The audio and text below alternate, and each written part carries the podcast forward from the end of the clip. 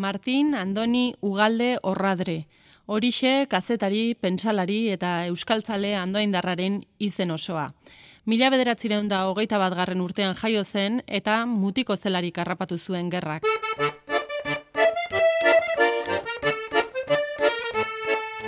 Gerrak, erabat markatu zuen ugalderen bizitza, gerrak banatu egin baitzuen familia eta gerratik iesi erbestean batu, Venezuelan. Han egin zen Martin kazetari.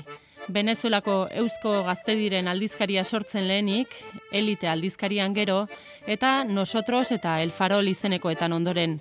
Ordukoak dira bere lehen ipuñak, un real sueño sobre un andamio izenekoa esate baterako. Venezuelan ezkondu zen eta han jaio ziren bere iruseme alabak. Kosta ala kosta haiek euskera zezi nahi zituen ugaldek eta hein handi batean horrek bultzatuta erabaki zuen Euskal Herrira itzultzea.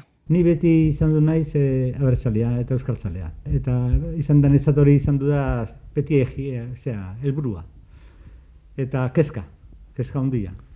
Eta Venezuelan nik e, nintzenean, e, labora jaio zen zenean, nire preokupazio izan zen, ez nuela nire seme alabik, han, han, han zera, sustreitu nahi. Zergatik, ba, ea sustreitzen mezian, ba, nire gertu beharko nuela, o bestela familia buskatuko nuela.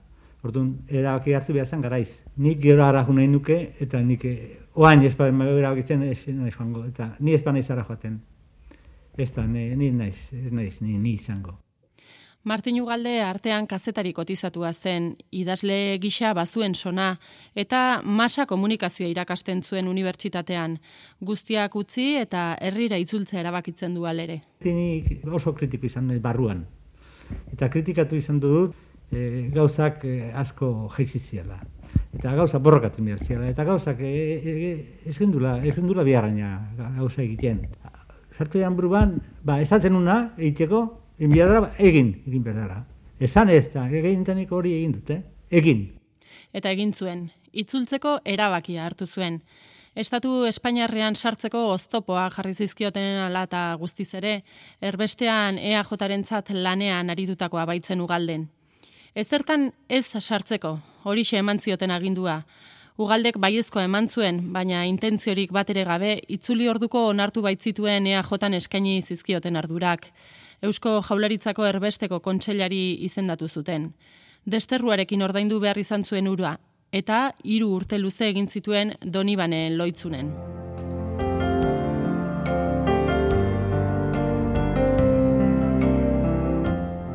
Franco hil ondoren, mila bederatzireun da irurogeita garrenean itzuli zen ugalde familiaren gana.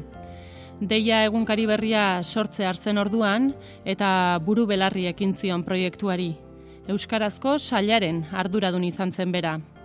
Mila bederatzireun eta larogeita bigarrenean, Eusko Jaularitzako Euskarazko arazoetarako zuzendari nagusi izendatu zuen Carlos Garaikoetxeak. Bi urte egin zituen kargu horretan, harik eta EAJ banatu eta Eusko Alkartasunan lerratuta geratu zen arte. Baina sigla jakin batzuena baino, herriaren eta hizkuntzaren militante izan da Martin Ugalde. Eta bere euskaltzaletasuna eta kazetari sena biak uztartzea Euskaldunon egunkarian lortu zituen inon baino hobeto. Berak esana da euskarazko kazeta aurrera ateratzeak eman diola pozik handienetakoa bizitza honetan. Ordutik, sorreratik, administrazio kontseiluko lendakari izan da bera. Berak esana da baita ere, Martin Ugalde kazetari izan dela lehenik eta haren atzetik etorri dela Martin Ugalde idazlea. Ene aurkezpenean, eh, esan duzu, ba, naizela idazle eta kastari. Ni jarruko nuke alderantziz, kastari eta idazle. Kastariaren lanetan hasi eta horrela joarintzen nire helburura hilizen. Idazle izateko lan egin behar da horrena, e, izkuntzakin, izkuntza landu behar da, izkuntza eta izkuntza lantzeko denbora behar da, eta gazetaritza da bidik errazena. Bat zen ere kasuan, e, Euskal Herrian ezintzen idatzi, eta Euskal Herria Venezuela heldu nitzenean, arkitu nintzen, han askatasunekin.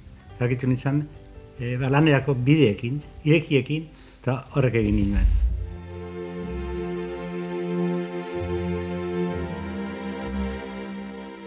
Ipuin, novela eta historikoak denak batuta, irurogeita mar liburutik gora ditu argitaratuak Martinu Galdek. Batzuren batzuk aipatzearen, hiltzaileak, Venezuelan argitaratutako lehen euskarazko liburua, Nueva Síntesis de la Historia del País Vasco edota bihotza golkoan. Pedro Txo, erretiradako trena eta Mohamed eta Parroko Gorria nobelak berriz, bere azken literatur lanak.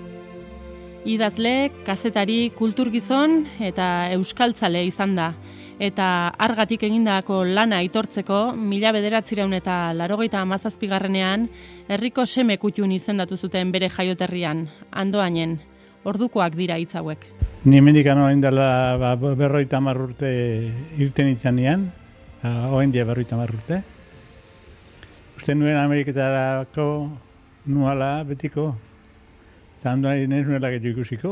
Bakizu ateratzen den nian toki batera eta inurruti, batek ez du ez du pentsatzen noiz itzultzeko izango nik.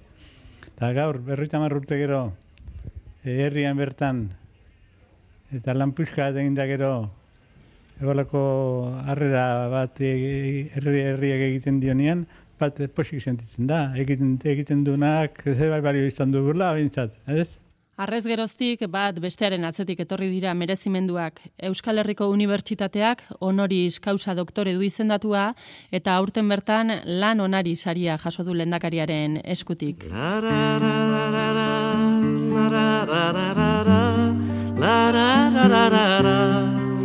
Berak, bihotzez eskertu izan ditu sari horiek denak, baina behin baino gehiagotan aitortu du ez duela merezimenduen egarriz egin lan. Berak eta beretzat egina zuen leloa izan baitu beti ardatz. Martin Ugalde, herriarentzat debalde. Jerusalemaren